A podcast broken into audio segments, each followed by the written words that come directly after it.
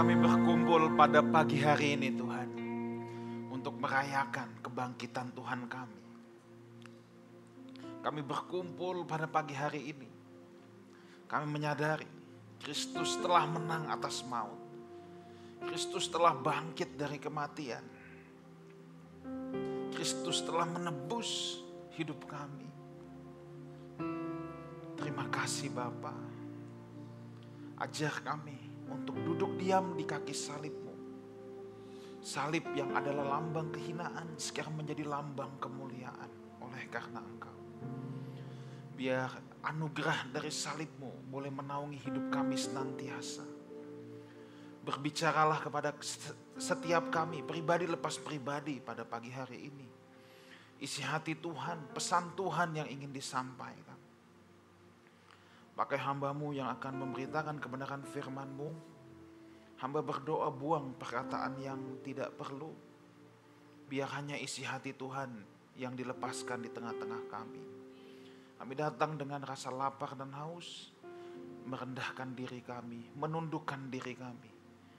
Di dalam hadirat Tuhan. Terima kasih dalam nama Tuhan Yesus kami berdoa. Amin. Thank you and Worship Team. Silakan duduk Bapak Ibu Saudara sekalian. Saya percaya kita semua diberkati Tuhan. Baik saudara yang onsite maupun yang online, saya percaya kita semua menerima lawatan Tuhan. Saya mau ucapkan dulu Happy Easter, Selamat Paskah untuk kita semua. Ya. Saudara dalam hidup ini siapa yang tidak takut kematian? Bohong. Most likely bohong kalau orang bilang saya nggak takut mati. Saya ketemu banyak orang yang uh, teriak-teriak nggak takut mati tapi sama covid aja takut ya. Orang masker satu dia tiga. Nah. Semua disemprot dulu. Ya tidak apa-apa sih kalau saudara sebelum duduk mau semprot, that's good gitu. Tapi saya mau katakan bahwa pada dasarnya setiap manusia itu takut sama yang namanya kematian. Kalau orang bilang, gua nggak takut mati, itu biasanya omong kosong, itu biasanya omong besar. Kalau ada bahaya dia yang ngumpet duluan, biasanya begitu ya. Kenapa manusia takut sama yang namanya kematian? Sederhana saja. Karena manusia nggak tahu ada apa di balik kematian itu. Kematian seakan menjadi sebuah lorong gelap gulita yang kita betul-betul tidak ketahui. Juntrungannya di mana, ujungnya di mana, kita nggak tahu. Yang namanya kematian itu pasti seakan gelap gulita. And we never know. Ada apa di balik itu semua. Ada apa setelah itu yang namanya manusia itu wajar ya. Saudara coba aja lihat. Kenapa manusia memang set by defaultnya secara instinktif, secara naluri akan lebih takut berada di tempat gelap daripada di tempat terang. Sebab sederhana aja. Kalau di tempat gelap kita bukannya takut hantu, ada yang takut hantu tapi saya percaya kalau di sini enggak ya. Sebab kalau di tempat gelap, kita tidak bisa lihat sekeliling kita. Kita nggak tahu apa yang terjadi di sekeliling kita. Nah, manusia ketika dia tidak uh, ketika dia tidak bisa lihat dengan mata kepala dia, dengan persis apa yang ada di sekelilingnya, pasti ada yang namanya keraguan. Pasti ada yang namanya kebimbangan. Tapi kalau dalam terang, kenapa manusia cenderung tidak takut? Karena dia bisa lihat jelas apa yang dihadapinya, apa yang di depan matanya. Nah sedangkan kematian, again, ini gelap total, kita nggak tahu apa yang akan terjadi. Tapi dengar baik ini, ada satu pribadi yang pernah mengalahkan yang namanya kematian. Kematian yang tadinya sebuah titik sekarang menjadi koma, sebuah awal perjalanan yang baru. Kematian bukan lagi menjadi hal yang menakutkan. Sebab pribadi ini Yesus Kristus namanya telah mengalahkan yang namanya kematian. Memang kekuasaan tidak dapat membatalkan kematian, kepintaran dokter tidak bisa meniadakan kematian, kekayaan tidak bisa menghapuskan kematian, siapa yang tidak gentar sama yang namanya kematian?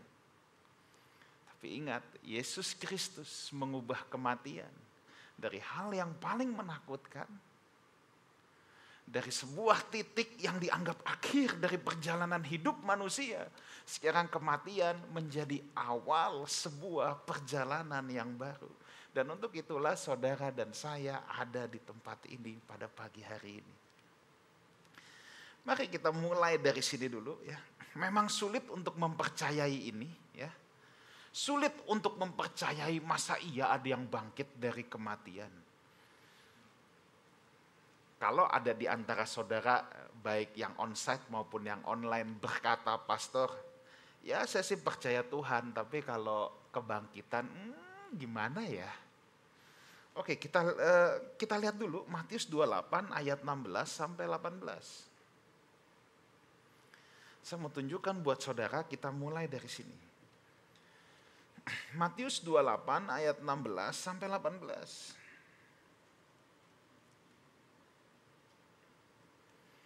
Dan kesebelas murid itu berangkat ke Galilea, ke bukit yang telah ditunjukkan Yesus kepada mereka. Ketika melihat dia, mereka menyembahnya. Ini kisah setelah kebangkitan. Saat Yesus mau naik ke surga. Tapi Alkitab bilang apa terus? Tetapi apa? Beberapa orang ragu. Nah loh, beberapa orang ragu, kata Alkitab. Yesus mendekati mereka dan berkata kepadaku telah diberikan segala kuasa di sorga dan di bumi. Nanti ayat ke-19 dan 20 yang kita kenal dengan amanat agung. Lalu Tuhan kasih tugas mereka, baptislah mereka, jadikan segenap bangsa muridku dan lain sebagainya. Murid-murid saja yang sudah melihat dengan mata kepala sendiri, ada yang menyembah dia, ada yang masih ragu loh. Jadi kalau saudara ada yang ragu, saya harap tidak. Saya juga nggak aneh dan nggak terkejut. Murid-murid yang pada saat itu aja ada yang ragu, saudara. Apalagi kita yang tidak ada di sana. Tapi saya mau beritahu saudara, Sekalipun murid-murid ragu, Yesus menjawab keraguan mereka dengan memberikan tugas dan tanggung jawab yang sangat besar. He is the greatest leader yang pernah ada. Saat orang meragukan dia, justru dia jawab dengan, sekarang segala kuasa di bumi dan di sorga telah diberikan kepadaku, kamu aku kasih tugas ya. Jadikan sekalian bangsa muridku. Yesus nggak menjadi marah sama yang ragu sama dia, tapi justru Yesus kasih tanggung jawab dan di challenge sekarang. Ini luar biasa sekali. Buat saya ini luar biasa sekali. So, sekalipun saudara meragukan dia, Yesus tetap men-challenge kehidupan kita. Yesus tidak pernah meragukan murid-muridnya. Alkitab tidak berkata, karena kamu ragu, Oke, tugas ini bukan untuk yang ragu, yang percaya aja. Enggak. Yang ragu juga dikasih tanggung jawab yang sama. Siapa pun saudara yang ada di tempat ini maupun yang online, you have the same task. Saudara punya tugas yang sama. Sekalipun saudara meragukan Tuhan, Tuhan tidak pernah meragukan saudara. Dia tetap kasih saudara yang namanya ini kepercayaan. Coba lihat. Yesus menjawab keraguan mereka dengan sebuah kepercayaan besar. Untuk memiliki iman dan keyakinan yang kokoh itu memang tidak datang begitu saja. Harus datang dengan pengertian dan hubungan. Mereka menjadi ragu karena iman mereka belum kokoh. Nah untuk punya iman yang kokoh, itu memang dibutuhkan yang namanya pengertian dan hubungan. Makanya sekarang kita tanya sama diri kita sendiri, kenapa kita ada pagi hari ini di tempat ini? Kenapa kita mengikut Tuhan sampai sekarang? Kenapa kita mau menjadi Kristen? Kenapa kita mau menyerahkan hidup kita buat Tuhan? Why? Apakah jawabannya hanya untuk menerima mujizat? Orang-orang itu sudah sudah melihat mujizat selama tiga setengah tahun lamanya. Tapi tetap masih bisa ragu loh. Kita harus bertanya sama diri kita sendiri, kenapa kita mau ikut Tuhan? Ya. Apakah cuman supaya diberkati? Saya sudah sampaikan beberapa saat yang lalu, urusan berkat itu inisiatif Tuhan. Saudara nggak usah minta, itu udah inisiatif Tuhan. Sebab kita semua punya tugas untuk jadi berkat. Apakah hanya untuk hal-hal spektakuler dan mujizat? Lihatlah kalau saudara ikut baca Alkitab bersama, waktu Musa ketemu Firaun, Musa lempar tongkat jadi ular, orang-orang pinter zaman Firaun juga bisa melakukan hal yang sama. Kesimpulannya apa? Kalau saudara cuma mau hal-hal yang ajaib, itu nggak perlu Tuhan. Kegelapan juga bisa bikin yang model-model begitu. Kita harus tanya, kenapa kita ada di tempat ini? Kalau dasar kepercayaan kita hanya kita landaskan pada hal-hal ekstravagansa, pada mujizat, pada berkat, maka fondasi kita tidak akan kokoh dan kita akan sangat mudah untuk meragukan Tuhan. Sangat mudah untuk menjadi ragu dengan Tuhan. Nah tapi saya harap kita semua punya pengertian, punya hubungan dengan Tuhan. Kita kita teruskan dulu. 1 Korintus 15 sekarang. Saya akan beranjak. 1 Korintus 15 ayat 3 sampai 6 dulu. Kita back to the basic supaya kita punya pengertian yang kokoh. Sebab sangat penting, sebab yang sangat penting, ini kata Paulus, yang sangat penting, yang paling penting telah kusampaikan kepadamu. Yaitu apa yang telah kuterima sendiri, bahwa Kristus telah mati karena dosa-dosa kita sesuai dengan kitab suci bahwa ia telah dikuburkan dan bahwa ia telah dibangkitkan pada hari yang ketiga sesuai dengan kitab suci. Bahwa ia telah menampakkan diri kepada Kefas dan kemudian kepada kedua belas muridnya. Sesudah itu ia menampakkan diri kepada lebih dari 500 banyak sekali saudara ya.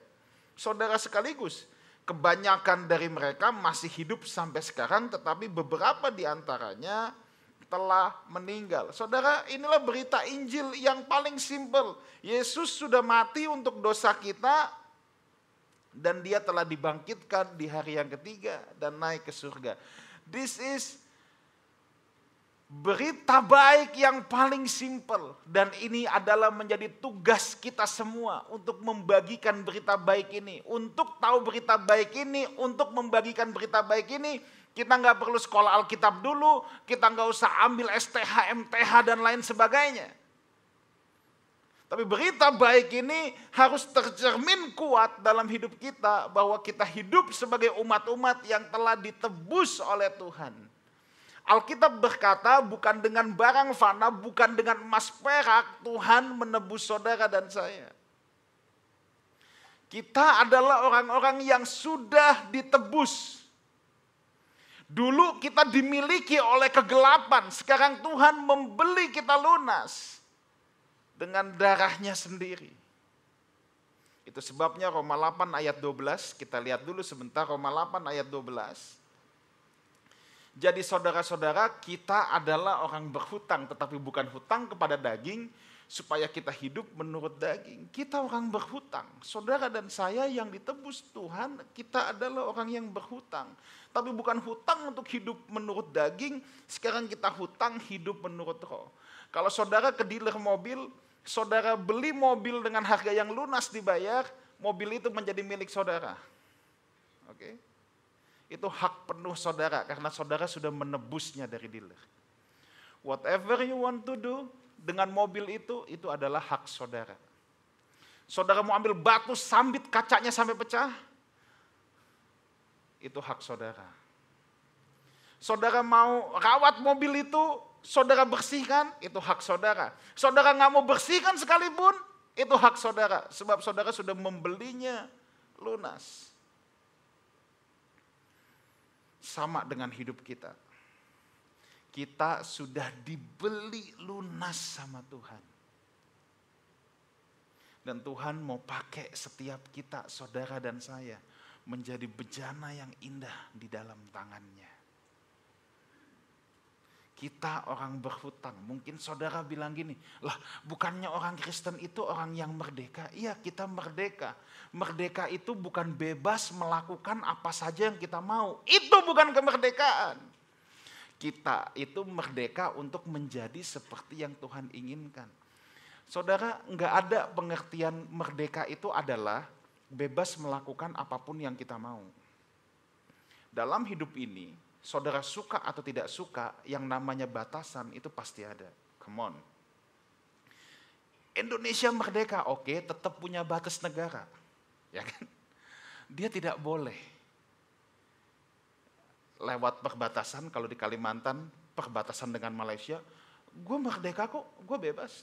Terus trespass the border, lalu bikin seenaknya di, di apa tempat yang bukan wilayah dia, kan tidak bisa. Kita hidup ini pasti ada batasan, saudara. Main sepak bola pun begitu, ada garis, ya kan? Olah olahraga apa pun ada garis. Pemain sepak bola boleh perform sehandal-handalnya di dalam kotak permainan. Nggak bisa keluar garis terus perform sendiri. Nggak ada gunanya. Hidup kita juga sama. Ada banyak orang yang berpikir, aku jadi Kristen, aku merdeka, aku bebas. Yes bebas, bebas menjadi apa yang Tuhan inginkan. Bukan bebas melakukan apa pun yang kita mau. Itu terlalu picik kalau pengertian merdeka dan bebas seperti itu. Itu namanya mau hidup suka-suka.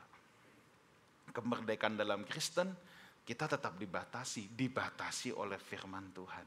Kalau dulu kita dibatasi oleh kegelapan, sekarang kita dipindahkan. Kita dibatasi oleh firman Tuhan.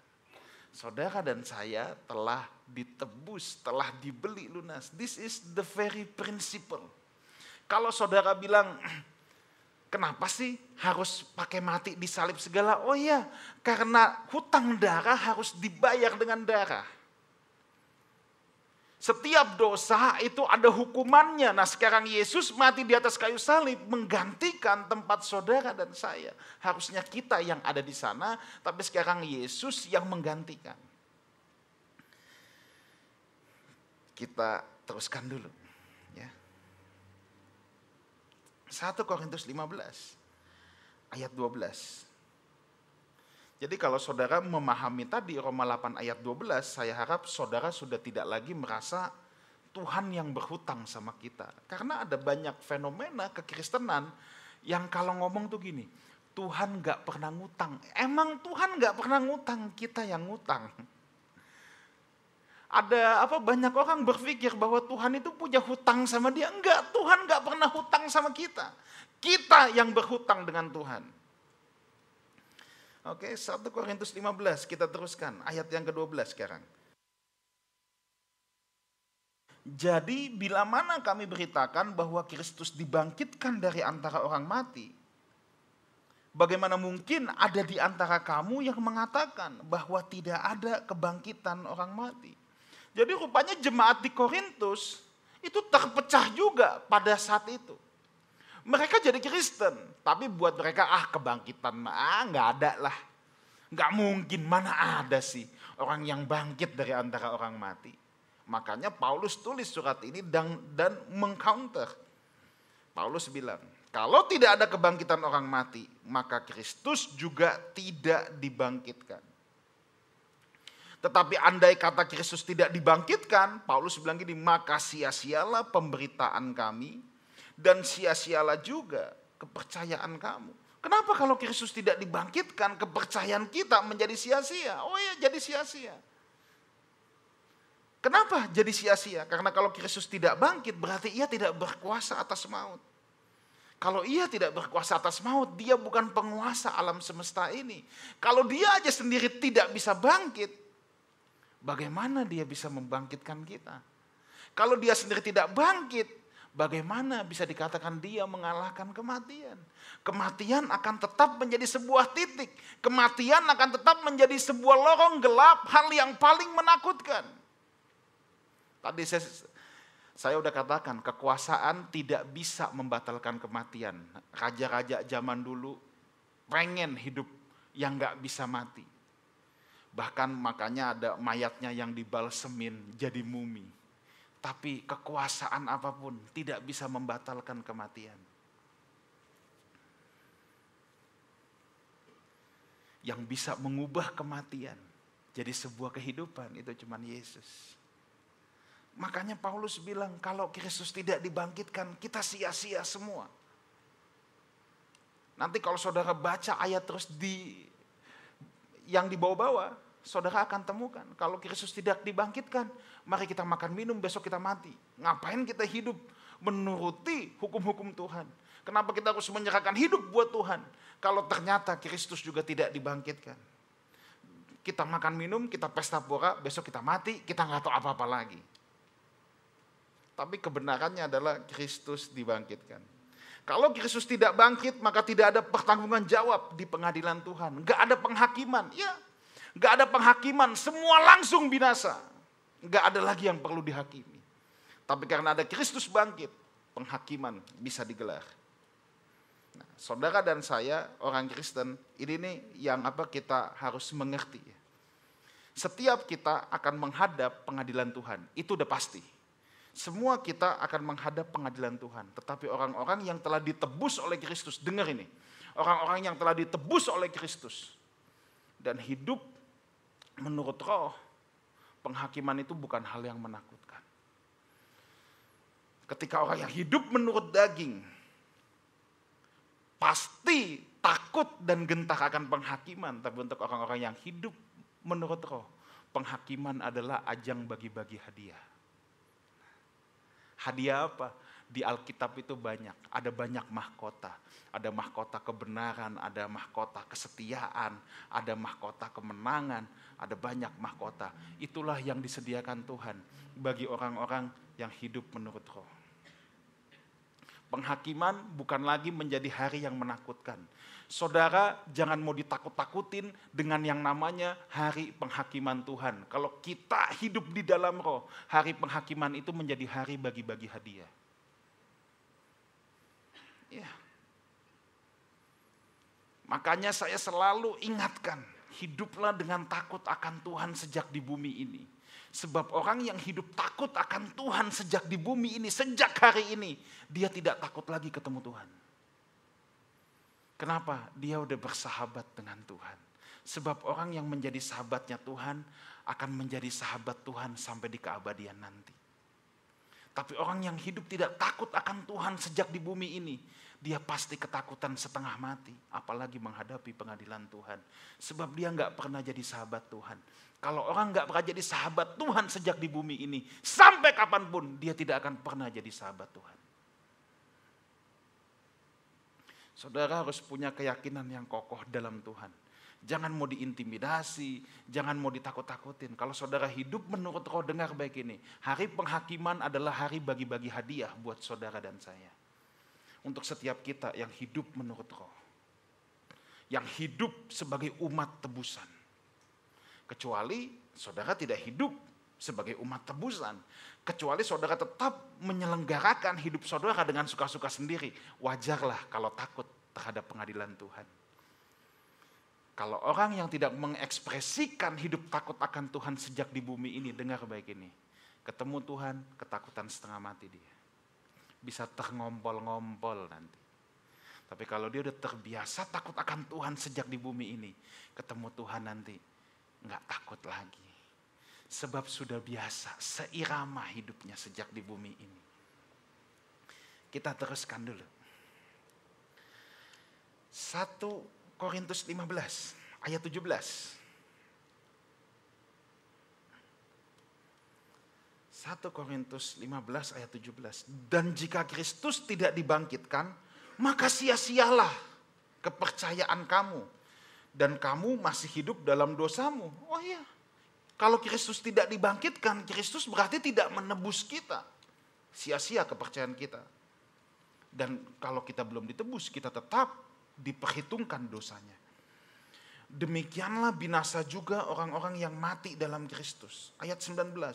Jikalau kita hanya hidup, jikalau kita hanya dalam hidup ini saja menaruh pengharapan pada Kristus, maka kita adalah orang-orang yang paling malang dari segala manusia. Coba lihat nih.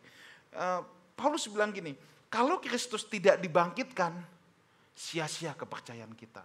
Bahkan kalau Kristus tidak dibangkitkan, Paulus bilang apa? Kita orang paling malang tetapi kebenarannya adalah Kristus dibangkitkan. Karena Kristus dibangkitkan, kita adalah orang-orang yang paling beruntung. Kalau Kristus tidak dibangkitkan, kita orang-orang paling malang. Tapi kalau Kristus dibangkitkan, kita adalah orang-orang yang paling beruntung. Bilangan 11 ayat 1.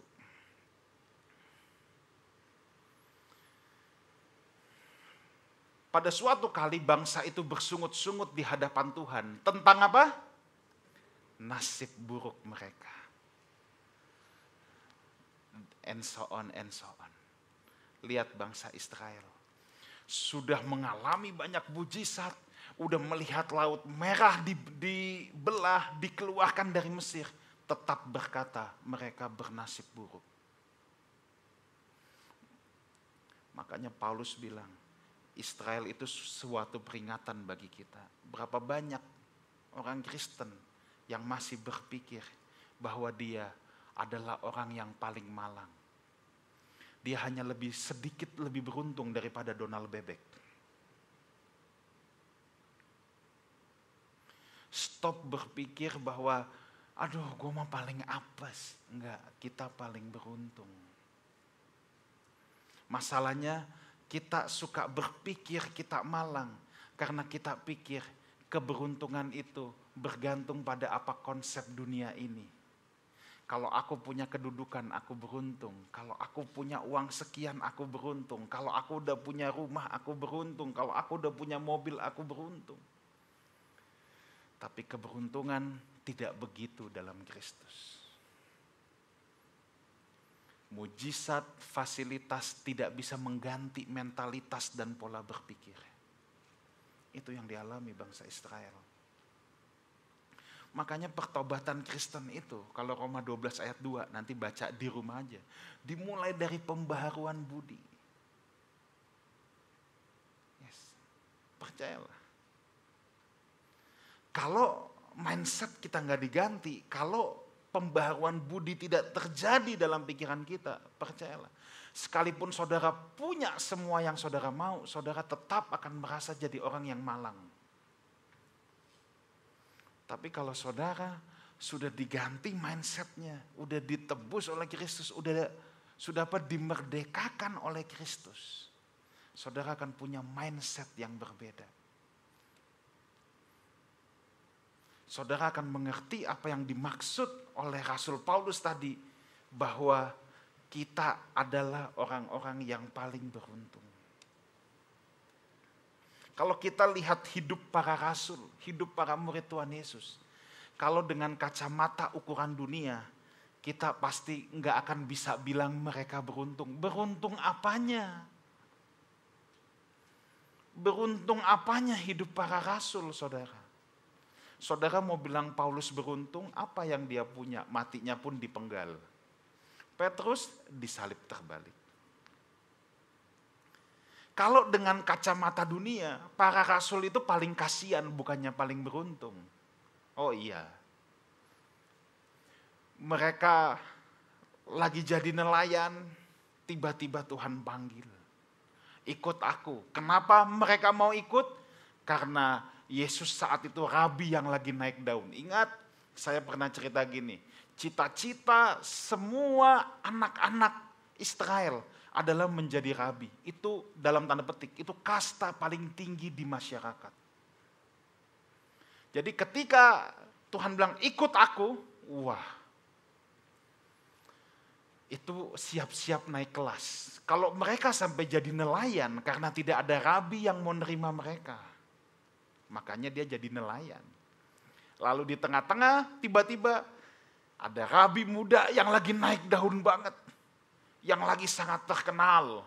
Tiba-tiba panggil mereka ikut. Wah mereka mau ikut. Ini kesempatan gua naik kelas.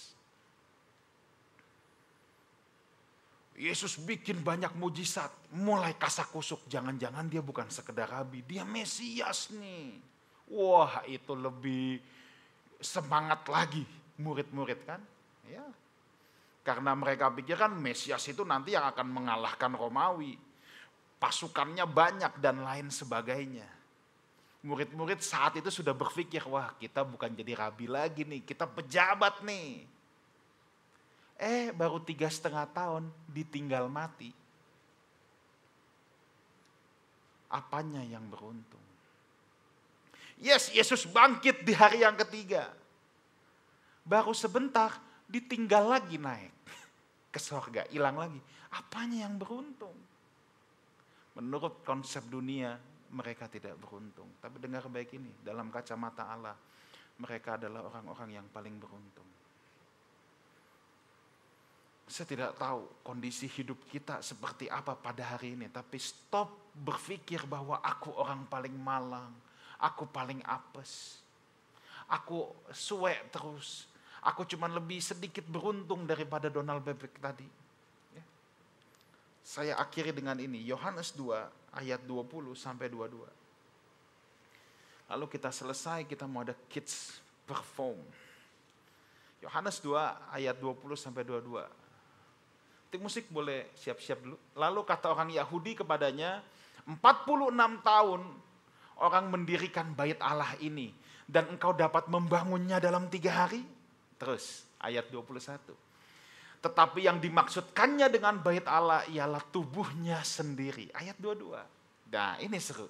Kemudian sesudah ia bangkit dari antara orang mati, barulah teringat oleh murid-muridnya bahwa hal itu telah dikatakannya. Dan mereka pun percayalah akan kitab suci dan akan perkataan yang telah diucapkan Yesus. Dengar baik ini. Murid-murid pun nggak ngerti dulu Yesus ngomong apa sih. Tapi setelah bangkit berapa tahun kemudian mereka baru sadar. Musik boleh main dengan sangat lembut dulu mereka baru sadar, baru ingat. Oh, rupanya yang dimaksudkan bait Allah itu tubuhnya sendiri. Itu jauh setelah Yesus mengucapkan itu. Dengar baik ini. Dalam hidup kita, mungkin ada hal yang belum kita mengerti. Mungkin apa yang kita alami, ada banyak hal yang saudara belum mengerti. Saudara tanya sama saya, saya juga nggak tahu jawabannya.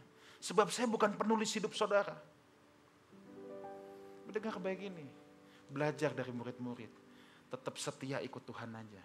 Ada waktunya saudara akan mengerti. Ada waktunya Tuhan mencelikan mata rohani saudara. Sampai saudara tahu apa yang telah terjadi di tahun-tahun ke belakang. Kalau ada hal yang gak enak, yang kita gak ngerti terjadi hari ini dalam hidup kita. Jangan cepet-cepet berkata, aduh gua orang yang paling malang. Enggak, saya harus beritahu saudara, saudara orang-orang yang paling beruntung.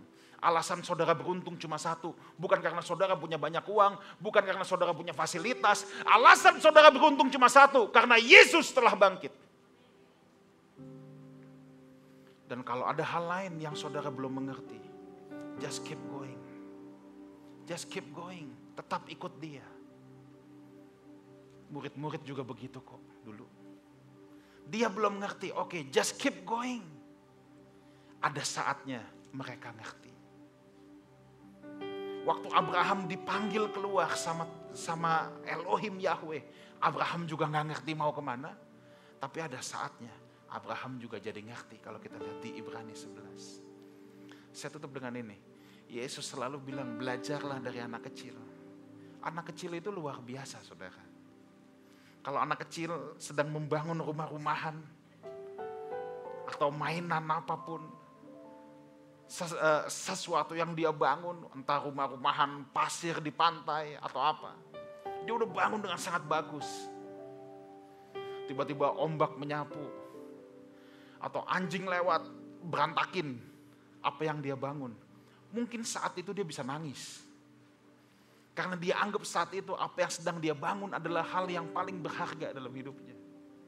Dia susah loh untuk bangun ini. Tapi coba lihat, kalau waktu sudah berlalu, anak kecil ini menjadi dewasa. Dia ingat lagi, dulu rumah-rumahan gue dihancurin, tapi dia tidak akan menjadi sedih. Karena setelah dia lewati itu semua dia tahu rumah-rumah itu nggak ada artinya. Dengar baik ini. Mungkin apa yang sedang saudara bangun, apa yang saudara anggap paling berharga saat ini, bisa saja Tuhan ambil. bisa aja Tuhan izinkan, Tuhan hancurkan. Tapi jangan menjadi lemah. Satu saat nanti saudara akan mengerti bahwa apa pun yang saudara genggam erat hari ini sebenarnya memang gak ada artinya. Apalagi kalau kita tidak pakai itu untuk kemuliaan nama Tuhan. Belajar dari anak kecil, itu luar biasa banget. Maka Tuhan bilang, kalau kamu tidak jadi seperti anak kecil ini, kamu gak bisa masuk dalam kerajaanku. Anak kecil punya kepolosan. Anak kecil cuma mempercayai ayahnya, ibunya pasti merancangkan yang terbaik buat dia. Kalau hari ini ada yang belum kita mengerti, pesan saya cuma satu, jalan terus sebab kita semua adalah orang-orang yang paling beruntung. Sebab Yesus sudah bangkit, kematian telah dikalahkan. Amin. Kita bangkit berdiri, kita datang sama Tuhan. Hambamu berhenti berbicara Tuhan. Hambamu terbatas dalam berkata-kata. Tapi hamba berdoa pada pagi hari ini. Rohmu yang kudus, guru kami yang agung, yang memeteraikan kebenaranmu. Isi hatimu dalam set, dalam lubuk hati setiap anak-anakmu. Berikan an kami anugerahmu Tuhan untuk menjadi pelaku firmanmu. Bukan hanya mendengarkan tapi kami boleh hidup di dalamnya. Buka mata pengertian kami. Celikan mata rohani kami. Khususnya kalau ada orang yang masih ragu akan hal ini. Celikan Tuhan. Biarlah kami menyadari bahwa kami adalah orang-orang yang paling beruntung bukan menurut ukuran dunia ini, tapi menurut ukuran Tuhan. Kami beruntung bukan karena keadaan di sekeliling kami, kami beruntung karena Yesus telah bangkit untuk kami. Terima kasih Tuhan,